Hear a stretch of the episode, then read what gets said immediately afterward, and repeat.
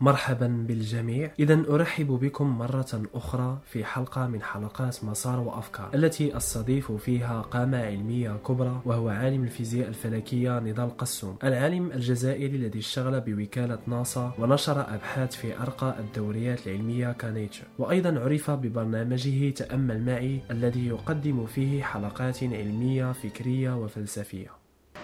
بل أشياء أنا أقولها يعني بدون خجل أشياء أنا نشرتها قبل عشرين سنة أعرف الآن أنها خاطئة شيء مختلف عما قاله أسلافنا لا نقبله. نرده خلاص نظرية تطور مرفوضة. بعضهم أن الأرض تدور حول الشمس مرفوض. إذا أرحب بالجميع. أرحب بك دكتور مرة أخرى. أنا جد سعيد بهذا اللقاء وأنا متأكد أنه سيكون جد مفيد ومثمر. شكرا جزيلا ياسين يسعدني هذا. شكرا على جهودك واهلا وسهلا بجمهورك الكريم. أشكرك. اذا الآن أنا أمام عالم ذو أصول عربية أه، جزائرية أه، عالم له الكثير من الإسهامات العلمية وأيضا عالم اشتغل بوكالة ناسا. أنا أه، جد مهتم كي أعرف كيف حدث هذا المسار. جد مهتم لأسماع كيف كانت طفولتك وهل كان لها دور في اهتمامك بالفيزياء الفلكية وفي عشقك للعلوم عامة؟ آه، وأيضا كيف كان مسارك الأكاديمي خاصة الانتقال من الجزائر إلى أمريكا وفترة اشتغالك بوكالة ناسا؟ آه، شكرا جزيلا. نعم يعني صغري يعني في مسار هكذا ولكن مساري ليس تقليدي. يعني ليس مثل في العادة عندما نتحدث مع علماء فيزياء فلك آه، أحياء وغيرهم في العالم يقولون أنا من صغري كان عندي اهتمامات وكنت أقوم ببعض التجارب في البيت وكنت أخرج وعندما كان في عمري خمس سنوات أو ست سنوات أهدي لي آه، تلسكوب صغير وكنت دائما أراقب الكواكب وأحب الفضاء وكذا. أنا لم يكن مساري بهذا الشكل. أنا مساري كان مسار في العائلة. أول شيء يجب التنويه إليه هو أن والدي تخصصه فلسفة وكان يحمل آه، علوم إسلامية يعني كانت آه، دراسته التقليدية في الأول في الصغر. طبعا هذا الكلام إحنا نتحدث عن سنوات الأربعينيات والخمسينيات من القرن الماضي. فكان تعليمه ومساره الأساسي كان في في الجامع في المسجد وحفظ القرآن وتعلم العلوم الإسلامية. ولكن سرعان عندما تقدم آه، درس الآداب والفلسفة والإنسانيات بشكل أعم. وأمي رحمة الله عليها كانت تخصصها أيضا أدب عربي. فإحنا تعلم يعني نشأنا في البيت في جو لا أقول غير علمي لأنه سنرى أنه كان فعلا له تأثير علمي في الأخير ولكن كان جو ثقافي آه، جو آه، عقلي لأنه يعني يهتم كثيرا بالفلسفة وبالإنسانيات وبمعرفة اللغة بشكل دقيق وبحب المعرفة وحب العلوم بشكل واسع. فالعجيب أنه إحنا الأولاد والبنات الخمسة خمستنا كلنا في الأخير تخصصنا في العلوم، يعني واحد في علوم الحاسوب، واحدة في الطب، واحد في علوم الفضاء، واحد في الرياضيات التطبيقية، واحد يعني كلنا تخصصنا في العلوم لأن كان آه، كان اهتمامنا كثيرا بالمعرفة المعرفة الصارمة المنهج. يعني أنا دائما أقول للناس أهم شيء في العلوم بل هذا تشترك فيه العلوم مع الفلسفة ومع العلوم الإنسانية الأخرى حتى علوم الاجتماع الآن علوم النفس إلى اخره الاقتصاد كلها تقوم على المنهجية ميثودولوجي هي هذا الأهم شيء في لا يهم المجال ما الذي ندرسه بقدر ما يهم كيف ندرس وكيف نكون صارمين وكيف نتحقق من نتائجنا وأن لا نخطئ ولا نغالط أنفسنا ونمشي فيما نهواه. هذا الأهم. وهذا الذي حصلت عليه في في البيت في العائلة من خلال تلك الاهتمامات بالعلوم العقلية خلينا نسميها بشكل أعم.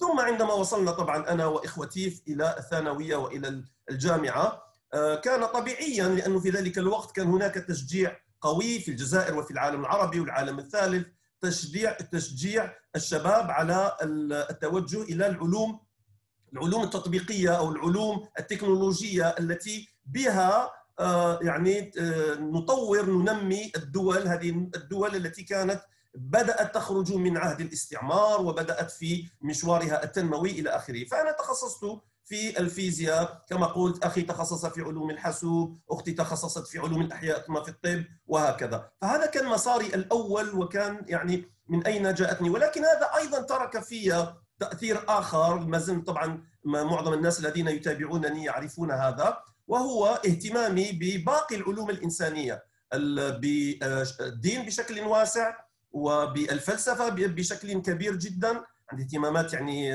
عميقة بالفلسفة حب اللغة حب اللغات. لذلك أنا أفخر من بين الأشياء التي أفخر بها أن لدي يعني كفاءة في ثلاثة لغات. حاضرت بثلاثة لغات كتبت كتب بثلاثة لغات قمت بحوارات إعلامية تلفزيونية وغيرها بثلاثة لغات. يعني أسافر وأشارك في لقاءات ومؤتمرات وأدرس في جامعات. وحاضرت في جامعات من ماليزيا إلى إلى كندا. بثلاثة لغات. هذا كله كان من المنشأ وكان من البيت حيث فعلا أخذنا هذه الجرعات من حب المعرفة حب اللغة الإتقان المنهج العقلنة والعلوم طبعا العلوم العلمية الحديثة وتطبيقاتها وغير ذلك. كيف جاءت الفكرة فكرة الانتقال من الجزائر إلى أمريكا؟ هل كانت ربما رحلة فضولية أم رحلة للبحث عن تجربة أفضل أو عن مستوى أكاديمي أفضل. وأيضا سنوات اشتغالك بناسا كيف كانت وما هو أهم شيء تعلمته من هذه الفترة؟ ممتاز ممتاز. اولا الانتقال إلى أمريكا كان بعد الحصول على شهادة الشهاده الجامعية الأولى. ذاك الوقت كانت تسمى عندنا في في الجزائر DES diplôme d'études supérieures يعني أربع سنوات ما يكافئ تقريبا الليسانس أربع سنوات جامعية. فكانت الجزائر ذلك الوقت طبعا كانت قدراتها المالية قوية عالية وتطلعاتها التنموية عالية فكانت تأخذ يعني الطلبه المتفوقين وتعطيهم منح. يعني من ينجح ويحصل على درجات عالية إلى آخره فيقدم طلب للوزارة وزارة التعليم العالي والبحث العلمي ويحصل معظمنا حصلنا على منح من الوزارة من الحكومة الجزائرية للانتقال إلى مكان ما في العالم. أنا كنت مصرا على أن تكون منحتي إلى أمريكا يعني وكنت أقول لكل كل من يعرفني أنا إذا أعطوني منحة إلى فرنسا أو مع احترامي لفرنسا وقد يعني عشت في فرنسا عدة سنوات وقمت بأبحاث كثيرة في فرنسا ولكن أنا كنت أصر على الانتقال إلى أمريكا لسببين. واحد أن أمريكا بلا جدال وهذا يجمع عليه العالم جامعاتها هي الأعلى في العالم يعني كمجموعة هكذا. طبعا تلاقي لك مثلا أوكسفورد في بريطانيا دائما في الثلاثة أو الخمسة الأولى إلى آخره. لكن بشكل عام لو ناخذ مثلا 50 جامعة الأعلى والأقوى في العالم راح تلاقي فيها 20 25 جامعة أمريكية. الجامعات الأمريكية قوية جدا وخاصة في المستويات العليا في البحوث المتقدمة إلى آخره. فأنا كنت أريد أن أحصل على ذلك المستوى من العلم وذلك المستوى من الأبحاث. ثانيا كنت مصرا على أن اللغة الإنجليزية عندي يجب أن تتحول إلى لغة عندي بنفس المستوى مثل لغتي العربية ومثل اللغة الفرنسية التي كنت درست بها في الجامعات في الجزائر. فقلت أن اللغة الإنجليزية هذه لازم كنت أعرف يعني لأن درسنا شوية في الثانوي لكن كنت أريدها أن تكون بمستوى أني أحاضر بها أكتب بها أبحاث بل أكتب بها كتب إلى آخره. فقلت هذا لن يجزي يجزيني من هذا إلا الانتقال إلى أمريكا والعيش في أمريكا لسنوات عديدة والتعامل باللغة الإنجليزية في المجال الأكاديمي. هكذا أصل إلى هذا المستوى. وهذا الذي حدث فعلا الآن عندما انتقلت إلى أمريكا وسجلت في جامعة مرموقة جامعة كاليفورنيا في سان دييغو وحصلت منها على الماجستير والدكتوراه كنت لم أكن أعرف ذلك قبل الوقت لكن في أمريكا وفي العالم الآن معروف أنه عندما يحصل شخص على شهادة الدكتوراه. يعني يمكن أن ينتقل إلى جامعة ويصير أستاذ مساعد يبدأ بالمستوى الأدنى أستاذ مساعد assistant professor لكن في أمريكا وفي كثير من أنحاء العالم يشجعون من يحصل على الدكتوراه أن يقوم بسنتين أو ثلاثة كباحث يسموه بوست دوك ما بعد الدكتوراه. فتنتقل إلى مركز أبحاث أو إلى جامعة أخرى وتقضي سنتين ثلاثة في أبحاث فقط. حتى فعلا يعني تثري مستواك وتثري كفاءتك وتتعرف على مواضيع إضافية وتتعامل مع علماء آخرين إلى آخره. إحنا في مجالنا طبعا ما كان هناك أفضل من مراكز ناسا بالتأكيد، يعني في مجال فيزياء الفلك والفضاء وكانت ناسا تقبل الباحثين بشرط أن يقدموا آه، مقترح proposal ويكون بمستوى جيد ويتم لهم مقابلة هكذا interview بالتليفون أو أو مباشر هكذا يعني شخصيا. وحينها إذا وجدوا أن هذا الشخص لديه قدرات ولديه فكرة لديه مقترح أنه يريد أن يأتي من أجل شيء من أجل عمل مشروع معين أو بحث معين وليس أنا حاب نجي عند ناسا لأنه ناسا يعني اسم كبير. لا إحنا لا يكفي مش كل واحد يحب يجي الناسا يلا تفضل عندنا. لا أنت هل أنت عندك كفاءة وهل عندك أفكار تريد الإتيان بها حتى نقبلك؟ وهذا الذي تم فعلا في الأشهر الأخيرة قبل الانتهاء من الدكتوراه. بدأت أقدم طلبات. قدمت طبعا أنا ما كنت ضامن انه ناس راح تقبلني. فقدمت إلى مراكز أخرى إلى جامعات أخرى حتى خارج أمريكا. قلت يعني في حالة ما اذا ولكن طبعا كان هدفي الأول أولوية لناسا وفعلا الحمد لله قبلتني ناسا وانتقلت إلى مركز جودارد في آه، التابع لناسا في ضواحي واشنطن. آه، وقضيت فيها هناك سنتان وكان بالإمكان أن أضيف يعني على الأقل سنة أو سنتين إضافيتين. ولكن حينها يعني كانت عندي واجبات أن أعود إلى الجزائر. أنا في الأخير ما أخذت منحه من الجزائر. يجب أن أعود إلى الجزائر وأدرس في الجزائر. آه، كان عمري وصل 30 سنة لم أكن متزوجا. عائلتي آه، يعني والدي ينتظروني إلى آخره. فقررت العودة إلى الجزائر ولكن مع ذلك يعني واصلت الأبحاث يعني إلى يومنا هذا عندي عندي مساهمات وتعاون مع باحثين أمريكيين أو في فرنسا أو في بريطانيا أو في ألمانيا أو في أماكن أخرى من العالم.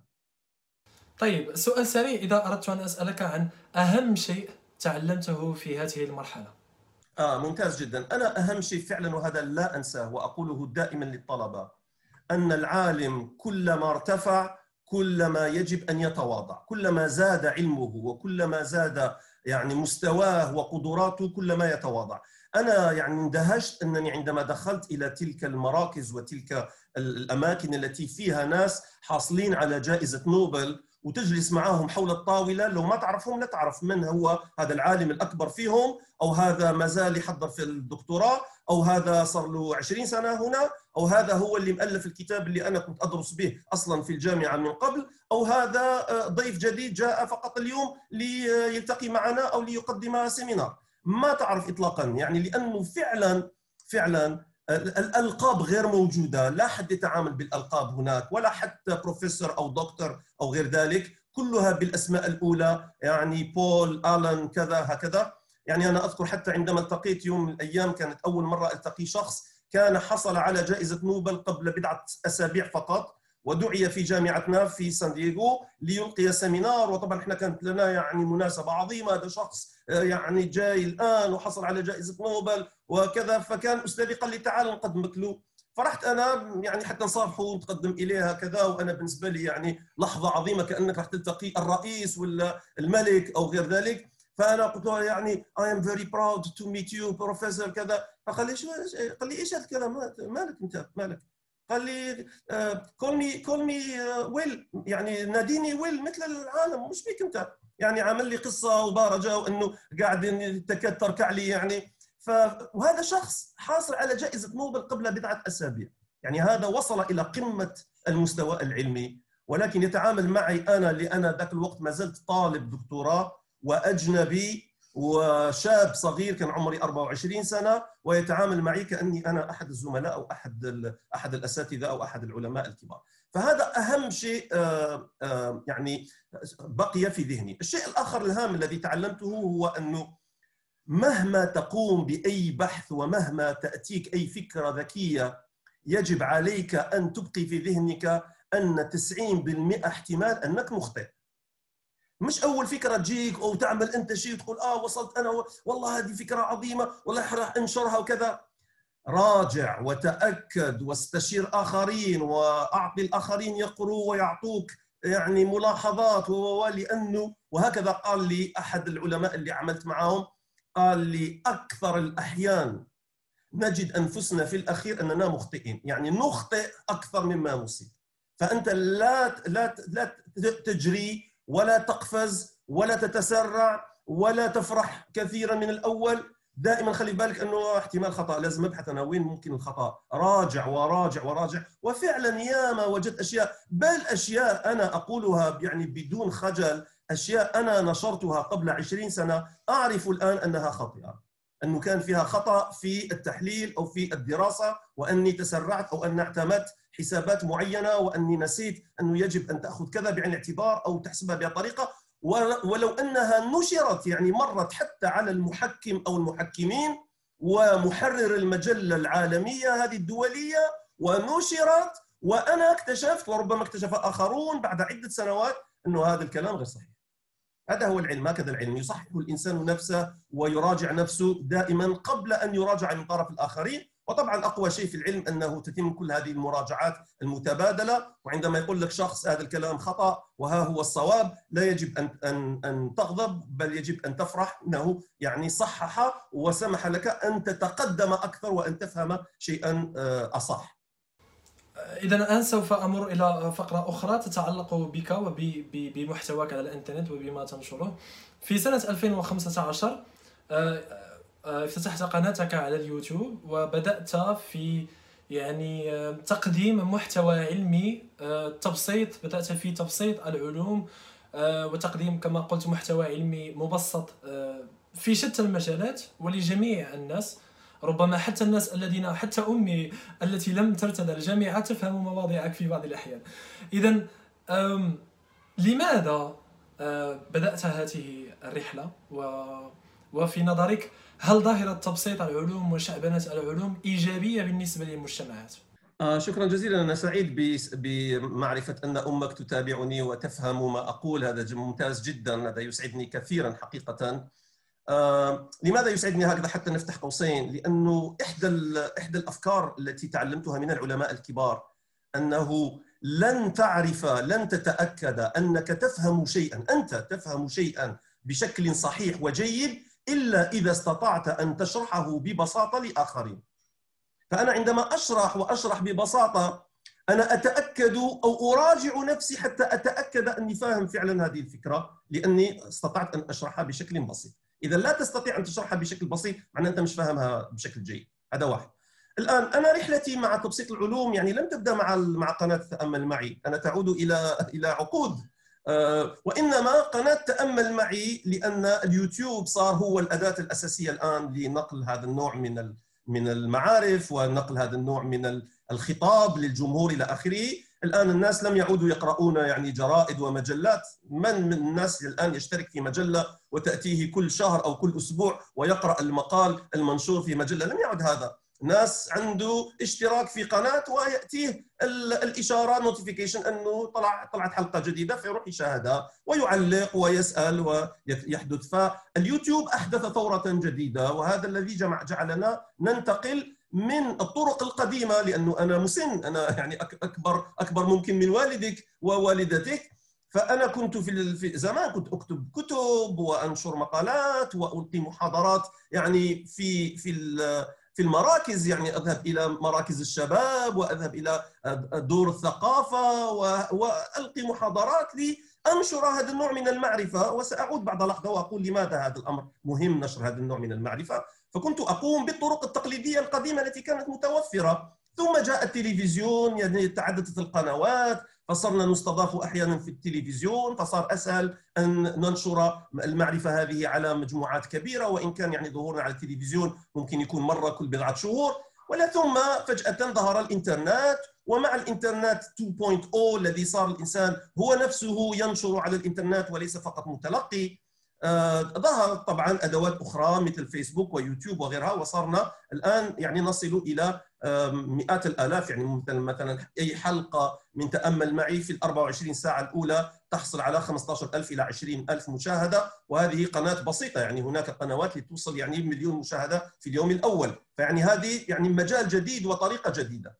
ولكن حتى قبل آه، قناة تأمل معي كنت آه، شاركت مع أحد طلبتي في قناة الكون. كان أحد طلبتي أخذ معي مادة علم الفلك هنا في الجامعة وبعدها ببضع عدة شهور جاني قال لي والله هذا الكلام اللي تعلمناه منك في الجامعة. يعني حرام يضيع ولا يروح يعني لباقي الجمهور. ما رأيك أننا نعمل حلقات بسيطة باللغة العربية وننشرها على اليوتيوب؟ قلت له أنا والله ما عندي وقت كثير. قال لي أنت لا عليك أنا آتيك نتفق على الموضوع. نعمل تسجيل 10 دقائق أنا أخذ هذا البيت أعمل الاديتنج وأنا أنشر. فأنت ما عليك إلا أن تتحدث في كل موضوع في كل مرة. وفعلا عملنا هذا وكانت أكثر من 50 حلقة. فيعني كنا تقريبا غطينا الموضوع فلم يعد. خلاص انتهينا انتهى الموضوع. ولو أنه طبعا يستطيع الإنسان يتناول مواضيع أخرى أو يتعمق أكثر ولكن غطينا تقريبا أساسيات علم الفلك أكثر من 50 حلقة. خير وبركة يكفي. بعدها بعدة شهور جاني طالب آخر قال لي طيب بس أنا أعرفك إنه أنت عندك اهتمامات أوسع بكثير. لماذا أنت حاصر نفسك في الكون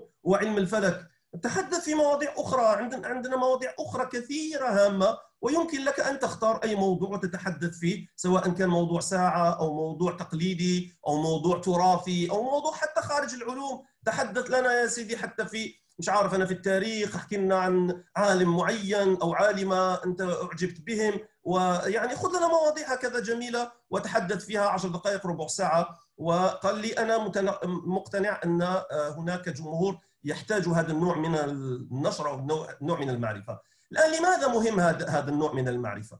اولا لأن العالم اليوم يقوم على المعرفة، هذا الآن صار مؤكد بل الآن صرنا صار العالم يتحدث عن اقتصاد المعرفة، knowledge economy. خلاص ننتهي من الاقتصاد حتى اقتصاد التجارة، التبادل بين الدول، نبيع لك وتبيع لي ولا آه، إحنا عندنا مصادر طبيعية عندنا نفط وعندنا غاز وعندنا فوسفات وعندنا كذا. الآن يجب أن ننتقل إلى الاقتصاد الذي تنتجه المعرفة. لا تنتجه الأرض ولا حتى الزراعة ولا الصناعة تنتج ينتجه الفكر. أنا أفكر وأنا أعمل أشياء وهذه تأتي بتطويرات بتغييرات في العالم. الناس ستهتم بها ستدفع لي أموال من أجل أن أقدم لهم أنا هذه التطويرات. هذا اقتصاد المعرفة يعني بالتبسيط وباختصار ف ولكن اقتصاد المعرفة لا يأتي هكذا يلا نشتغل إحنا بالمعرفة. يجب أن نبني مجتمع المعرفة. يجب أن المجتمع نفسه يقتنع ويأخذ بهذا النوع من التفكير أننا يعني بالإضافة حتى لا أقول عوض بالإضافة إلى الزراعة والصناعة والموارد الطبيعية يجب أن يكون لنا قدرات قدرات علمية تكنولوجية نشارك في تطوير بعض الأشياء إنتاج بعض التطبيقات آه، نشر بعض الأجهزة آه، بناء أجهزة ربما أفضل تشتريها الناس من عندنا ولا تشتريها من دول أخرى. وهذا لا يتم إلا إذا فعلا المجتمع اكتسب على الأقل الأساس الأساس الضروري من أجل بناء هذا النوع من المجتمع المعرفة واقتصاد المعرفة. ولذلك يجب أن نتحول من يعني القضاء أوقاتنا في الترف، الترف أنا لست ضد الترف يعني الإنسان يشاهد فيلم مثلا أنا ما عندي مانع أنا أشاهد أفلام إذا كانت ذات قيمة جيدة، أنا آه، أستمع إلى موسيقى وهناك موسيقى يعني لا حصر لها رائعة جدا. يعني يستمع إليها الإنسان ويحس نفسه أني فعلا يعني ارتفعت أنا حتى فكريا ونفسيا وروحيا. اني استمعت إلى هذه القطعة، لكن أنا لست ضد الترف وإنما أو على الأقل يعني الترفيه. لكن أنا ضد أن يقضي الإنسان كل وقته في مثلا مشاهده مشاهدة فيديوهات فقط أو أو كرة قدم أو مثل هذا يجب أن نقضي على الأقل جزء من وقتنا في اكتساب هذا النوع من المعرفة. فهذا هو الجهد المطلوب وهذا الجهد هذا يجب أن يكون مشترك. الجمهور ممكن يقول طيب أعطوني هذه المعرفة أنا أنتم تقولوا لي يجب أن تكسب المعرفة ويجب أن تتحول إلى مجتمع معرفة. طيب وين هي المعرفة هذه؟ قدموا لي إياها بطريقة أفهمها أنا وأعرف أكتسبها. هنا يأتي دور أمثالي. الذين لديهم هذا النوع من المعرفة والعلم ولديهم القدرة في توصيل هذا النوع حينها أنا قمت بالواجب وإذا المجتمع لم يقم بواجبه اللهم فاشهد أنا قمت باللي علي فهذا هو يعني اللي يخليني أني أنا أقوم بهذه الجهود لأني أرى أن هذا هو الذي علينا كمجتمعات نامية خاصة مجتمعات عربية وغيرها هذا الذي علينا اليوم وهذا وهذه مسؤولية مشتركة.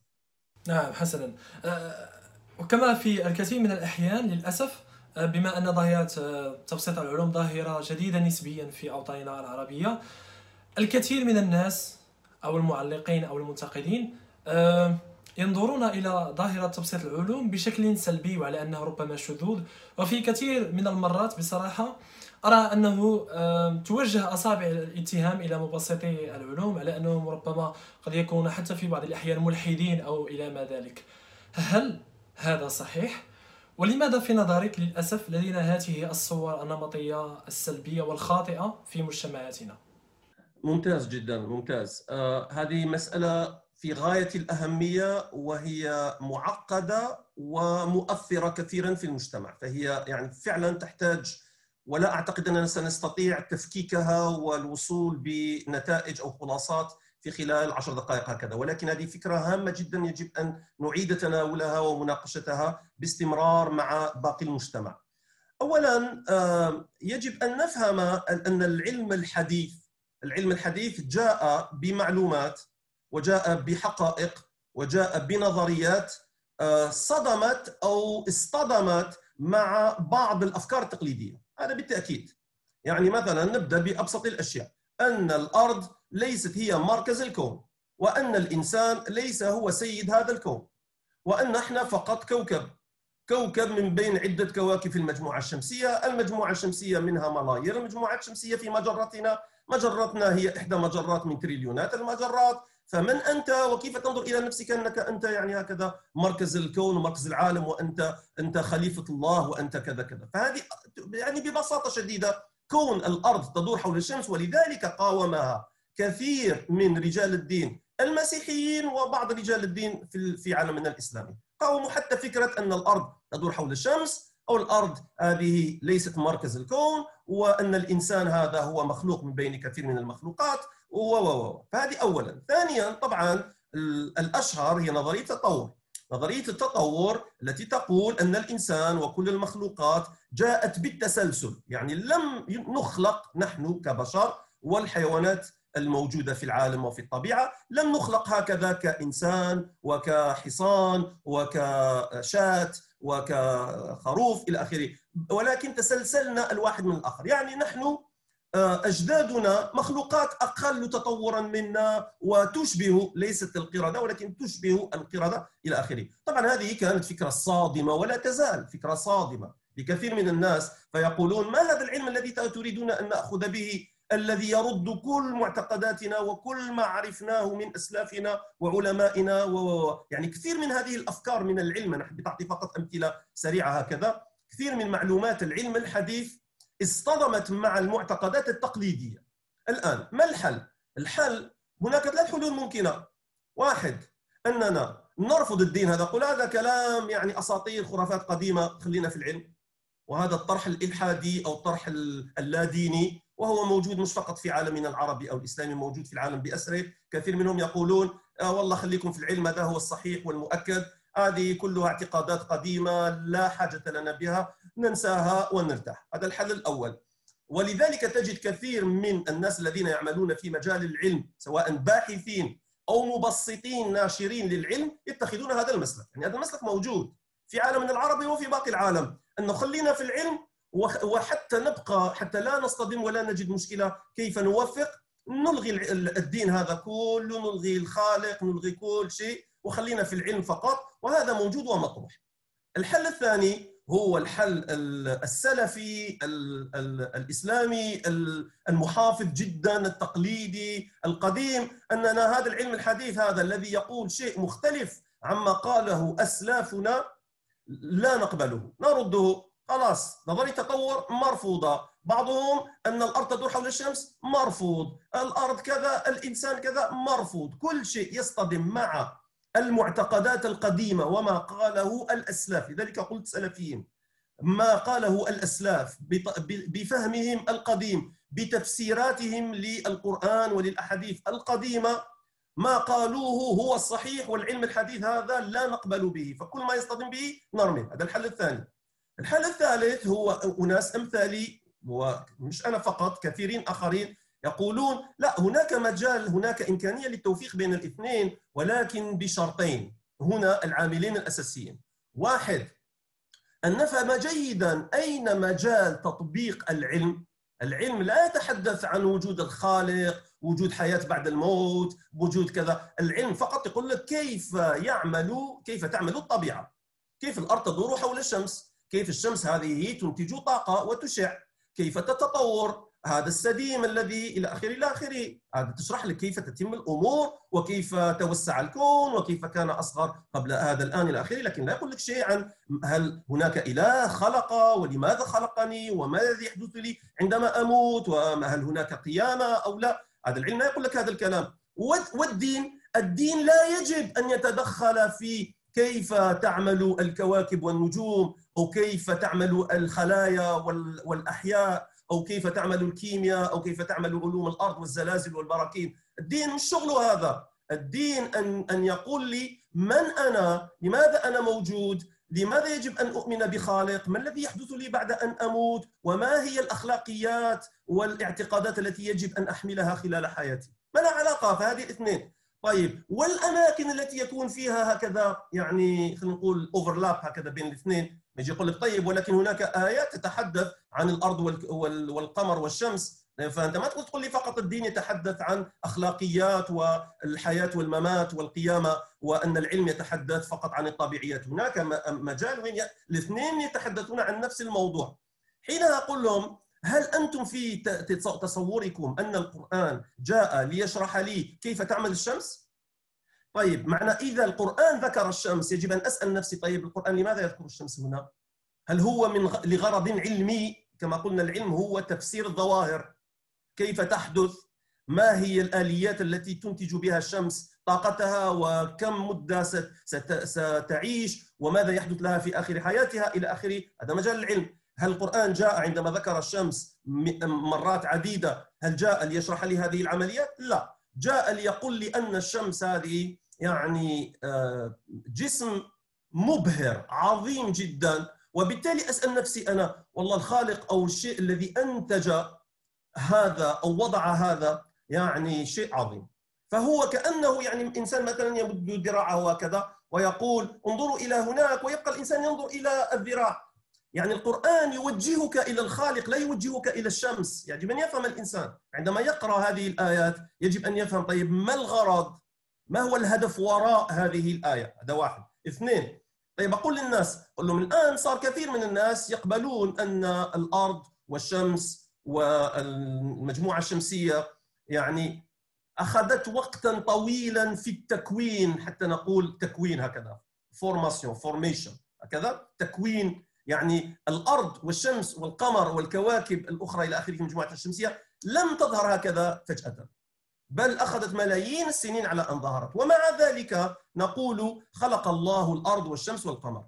بمعنى أن أن لفظ ومفهوم خلق خلق الله كذا وكذا لا تعني بالضرورة لحظيا. هذا واحد. يعني معظم الناس الآن يقبلون أن آه الأرض تطورت بالتأكيد. الشمس أيضا يعني تتطور وبعد كم مليار سنة ستتحول إلى عملاق أحمر وفي الأخير ستموت وكانت أصغر قبل قبل الآن وكانت أقل حرارة ويعني في لها تاريخ في لها تاريخ وفي لها تطور في لها حياة. فخلق الشمس وخلق الكواكب بما فيها الأرض وخلق القمر الذي جاء بعد تكون الأرض باصطدام إلى آخره هذا كله نسميه خلق ولا نقصد به خلق هكذا. وبالتالي إذا فهمنا أن خلق الكائنات الحية بما فيها الإنسان لا يعني بالضرورة أنها خلقت هكذا لحظة وبالشكل التي هي عليه فلا يجب أن يصطدم الإنسان يقول آه مثلما خلقت الشمس والكواكب والأرض والقمر وغيرها على مدى ملايين السنين فكذلك خلقت الكائنات الحية بما فيها الإنسان على ملايين السنين، وين المشكل؟ يجب أن نطور فهمنا لمفهوم الخلق ولمكانة الأرض ومكانة الإنسان، ما الذي يميزني أنا في الأخير كإنسان كبشر؟ ما الذي يميزني؟ إني أنا أقوى مخلوق على الأرض، لست حتى أقوى مخلوق على الأرض، هناك حيوانات كثيرة أقوى مني بكثير. هل أنا آه، يعني أسرع آه، مخلوق على الأرض أو لا ما الذي يميزني يميزني انه أنا عندي ذكاء عالي وعندي وعي أنا نضال وقاعد أتحاور مع ياسين الآن وعندي أفكار وأنا أفكاري هذه حتى تتطور وأنا اليوم متعب وعندي وعي ونحن المؤمنون نقول لدينا روح. يعني عندنا مستوى أعلى من حتى الوعي. الوعي هذا موجود حتى في بعض الحيوانات والذكاء موجود أيضا في بعض الحيوانات ولكن نحن نتميز بذكاء أعلى ووعي أعلى ونحن نقول نتميز أيضا أيضا بروح.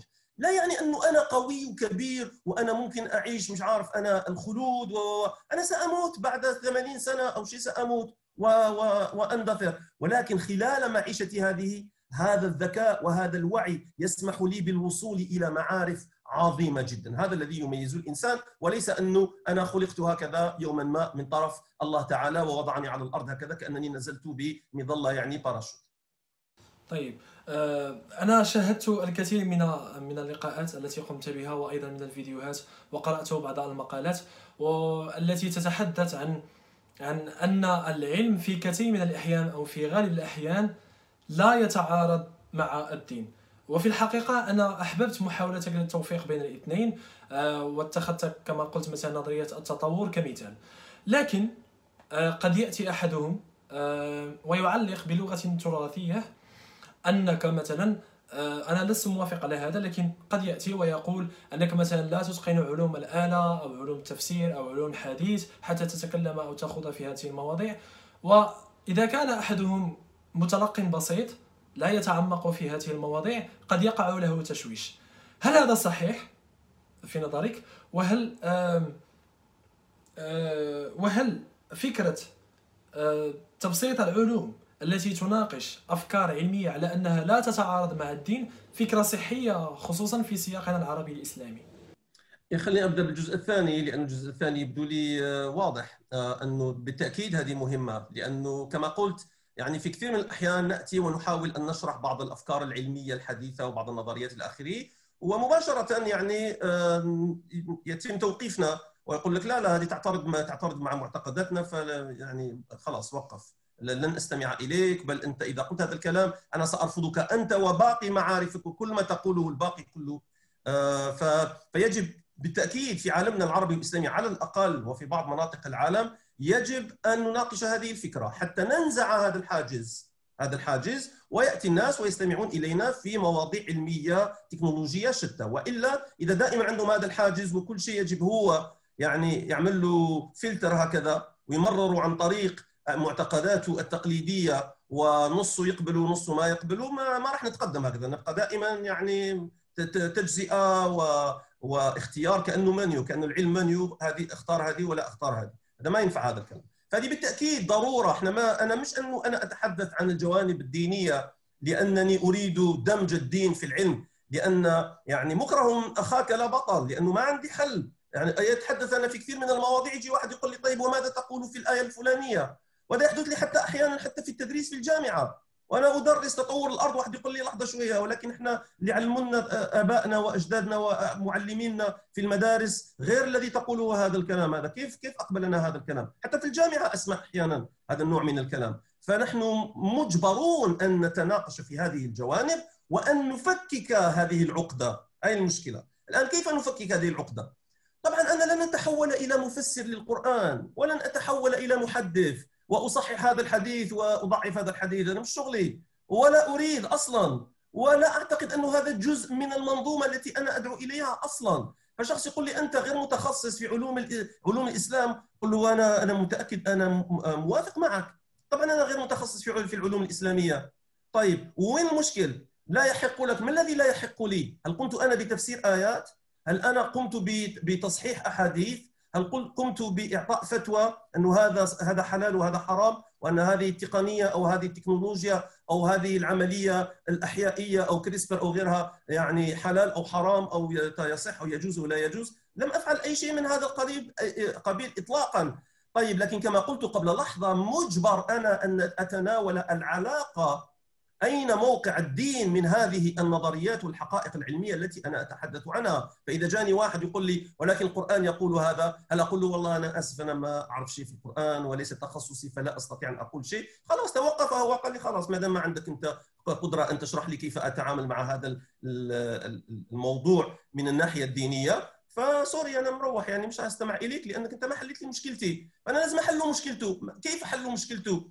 أني أشرح له بهذا المبدأ البسيط الذي قلته قبل شوية أن مجالات الدين والعلم مختلفة عن بعضها البعض. ما هو مغزى الدين؟ القرآن عندما تحدث عن الإنسان وخلق الإنسان هل هو أعطاني آليات بيولوجية؟ هل هو شرح لي آه، يعني الحفريات؟ هل شرح لي الجين الجينات؟ هل شرح لي؟ طبعا لا هو يتحدث لي عن خلق الإنسان. من حيث أنه مخلوق كائن له ذكاء ووعي وروح وبالتالي له مسؤولية في هذه الحياة وعندما يموت سيحدث له كذا وكذا. لا يتحدث عن العمليات الطبيعية والعلمية التي حين إذا أردت أن أفهم طيب كيف تطور هذا الإنسان؟ وكيف وصل إلى هذا هذا الحالة التي هو عليها الآن؟ هذه أعود فيها إلى علم الأحياء وعلم الجينات وغيرها. ولكن وبالتالي إذا شرحت أنا طيب أنت كيف تفهم القرآن عندما يتحدث عن الإنسان ويتحدث عن الأرض ويتحدث عن الشمس والقمر إلى آخره؟ أشرح له أنا كيف تفهم؟ مش أنه أنا سأفسر لك هذه الآيات أن أنا أشرح لك المبادئ الكبرى. القرآن والإسلام ماذا يقولان؟ والعلم إلى ماذا يهدف؟ وأين يعني موقعه من الإعراب كما نقول بالعربية؟ وحينها يعرف هو يبدأ يفهم أن آه عرفت أنا الآن كيف أضع الاثنين في دماغي بدون أن ينفجر. وهذا هذا الهدف عندي. طيب هناك سؤال سريع. ربما قبل سنتين شاهدت أحد فيديوهاتك على القناة الذي كان فعلا مفيدا جدا. آه، تتحدث فيه عن كيف يعني أستخدم المصادر أو آه، أذهب إلى مصادر موثوقة من مواقع من مجلات من كتب جامعية إلى ما ذلك. وهذه مشكلة ألاحظها حتى عندي في التعليقات. يعني أنت من حتى تتحدث في هذا الموضوع؟ يعني أنت طالب في علم النفس لماذا تتحدث مثلا في البيولوجيا أو في ما إلى ذلك؟ اذا أريد أن أسألك هل هل فعلا من شروط يعني تبسيط العلوم أو نشر الثقافة أن أكون متخصصا جدا يعني عندي الماجستير أو الدكتوراه في ذلك الموضوع الذي سوف أتحدث فيه؟ أو أنه كما قلت أن أعتمد على مصادر موثوقة. وإذا كان لك إضافات. إيه، شكرا جزيلا. يعني يعني عزاؤك يا ياسين أنني أنا أيضا يعني كثيرا ما يعني يصلني هذا النوع من الهجوم. أنت أول ما يسمع شخص انتبه كيف يحدث هذا. عندما يسمع أي شخص كلام لا يعجبه لا يعجبه. يقول لي أنت أنت إيش دخلك في هذا الموضوع؟ أنت خليك خليك في الفلك تاعك خليك في الفلك. لو قلت له أنا في مجال آخر في أي مجال آخر كلام يعجبه لن يقول لي أنت وش دخلت في هذا الموضوع. لن يقول لي. فهو يحاول أنه يحشرني في مجالي لأنه استمع كلاما آه، لم يعجبه. بل حتى أحيانا أحيانا إذا قلت أنا كلام لا يعجبه. مثلا أنا مرة عملت آه، عملت آه، حلقة مركزية مكة المكرمة. وحبيت ابين أنه مكة ليست مركزية في الأرض بأي معنى علمي. وإنما هي هكذا فكرة عند الناس وصاروا يروجون لها ووجد وجدوا لها يعني حجاج وصاروا يعتقدون أن عندهم أدلة وحجج أن مكة هي المركز. فجاني ناس كثيرين قال لي أنت إيش في هذا الموضوع؟ أنت مش مش مش مجالك أنت. كيف مش مجالي هذا؟ ما أنا أدرس الأرض وأدرس الكواكب وأدرس المجموعة الشمسية والقمر وتاريخ الأرض وأنا أفهم يعني على الأقل أفهم شوية في الأرض ككوكب على الأقل على الأقل. آه المهم لكن فعلا أنا أنا أعتقد وأنا أوافقك ويسعدني أنك أنت أعجبتك هذه الحلقة لأنه أنا أعتقد أنه هذه من أهم الحلقات. إحنا الآن تعدينا أكثر من 150 حلقة في تأمل معي وأنا أعتقد أنه هذه من أهم إن لم تكن أهم الحلقات كيف تتحقق من مصداقية معلومة ما. طيب والشيء الآخر هو يجب ان نحن كمجتمعات مثقفة وهذه جزء من التربية التربيه الثقافيه التربيه العلمية التربيه حتى العائلية، التربية الاجتماعية بشكل عام أن نعلم الناس أنهم لا يهاجموا الشخص. أنت وجدت أن كلامي هذا أو أنت معتقد أن كلامي هذا غير صحيح، روح ابحث أنت في هذا الكلام، لا تبحث في أنا. أنا تخصصي ما تخصصي، شهادتي ما شهادتي، لا يجب أن تعنيك. بدليل وأنا أقول للناس بدليل أنت يا ياسين وأنا نضال وأي غيري لو غدا نكتب بحث ونرسله أنت أكتب أنا بحث يا سيدي وأعطيك إياها. تفضل يا ياسين هدية مني لك. okay؟ روح انشره باسمك. أقول لك أنا أنا أسمح لك. okay؟ ولو انه هذا المفروض لا يحدث إذا هو كلامي وبحثي أنا لا ينشر باسم آخر. لكن فرضا كتجربة فقط. أرسلها يا ياسين إلى أكبر المجلات العلمية في مجال فيزياء الفلك. هل تعتقد أنهم سيراسلونك ويقولون من أنت؟ ابدا ولا يحدث في تاريخ العلم أن شخص يقدم بحث لأي مجلة أو أي مؤتمر ويراسلونه ويقولون له من أنت؟ أنت لست في مجالنا هذا لن ننظر في بحثك. لا سينظرون هكذا أول وهلة. المحرر المسؤول عن المجلة ينظر فيها هكذا بشكل سريع وهو بخبرته يعرف هذا كلام سخيف لا يستقيم كلام فاضي ولا لا هذا كلام يبدو أنه فيه شيء سليم. okay. إذا قال أول فلتر هكذا آه كلام معقول هذا يبدو كويس. طيب ماذا أفعل فيه أنا هذا؟ أرسله إلى محكم إلى شخص متخصص في الموضوع قل له راجع لي هذا البحث واكتب لي فيه تقرير لن يسألوك من أنت ما هي شهادتك كم عمرك ما هي معتقداتك ولا حد سيسألك. هذه فقط في عالمنا المتخلف يقول لك أنت ما هو تخصصك وأنت خليك في مجالك وكلام من مثل هذا. أنت انظر في ما كتبت لك أنا أو ما نشرت لك أنا. انظر في كلامي بحثي الحلقة, الحلقة التي أنا كتبت يعني سجلتها نشرتها. لا تنظر فيها أنا. انسى انسى اسمي. انسى اسمي ومن أنا وما تخصصي وما شهادتي. يجب أن تنساه. تنظر فقط في هذه المعلومات. الآن مصداقية المعلومة. الآن إذا أنت مثلا قمت بكل الواجبات التي عليك من أجل الوصول إلى معلومات معينة. وتعرف أنت ياسين أنه أنا إذا تحدثت مثلا في كريسبر أو تحدثت في الثقوب السوداء سيقول للناس ولكن أنت لست متخصصا وأنت ما عندك هذه الخبرة و طيب أنا أضع لكم المراجع. وريح نفسي. أضع لكم المراجع هاي المراجع. الذي يريد أن يتحقق سواء ياسين هذا يفهم أو لا يفهم انظر أنت في المراجع. أو انت ابحث من جهتك على مراجع أخرى. وتعال في التعليق وقل لي أنا وجدت أن كلامك غير صحيح وها هو المرجع الذي يثبت أن كلامك غير صحيح. خلينا نرتقي بالنقاش نرتقي بالنقاش بحيث أننا نتعامل بالحجج ولا نتعامل بالهجومات الشخصية. آه، حسنا. شكرا. آه، كما توقعت كان اللقاء جد مثمر جد مفيد. قد وضحت الكثير من النقاط لي وأتمنى أن يستفيد أيضا الكثير من الشباب. والكثير وأمي أيضا. بعد ستشاهد اللقاء إن شاء الله. أشكرك كثيرا. شكرا جزيلا ياسين طيب سلامي لك ولوالدتك الكريمة ولكل المتابعين إن شاء الله. إن شاء الله يكون لنا لقاءات في المستقبل.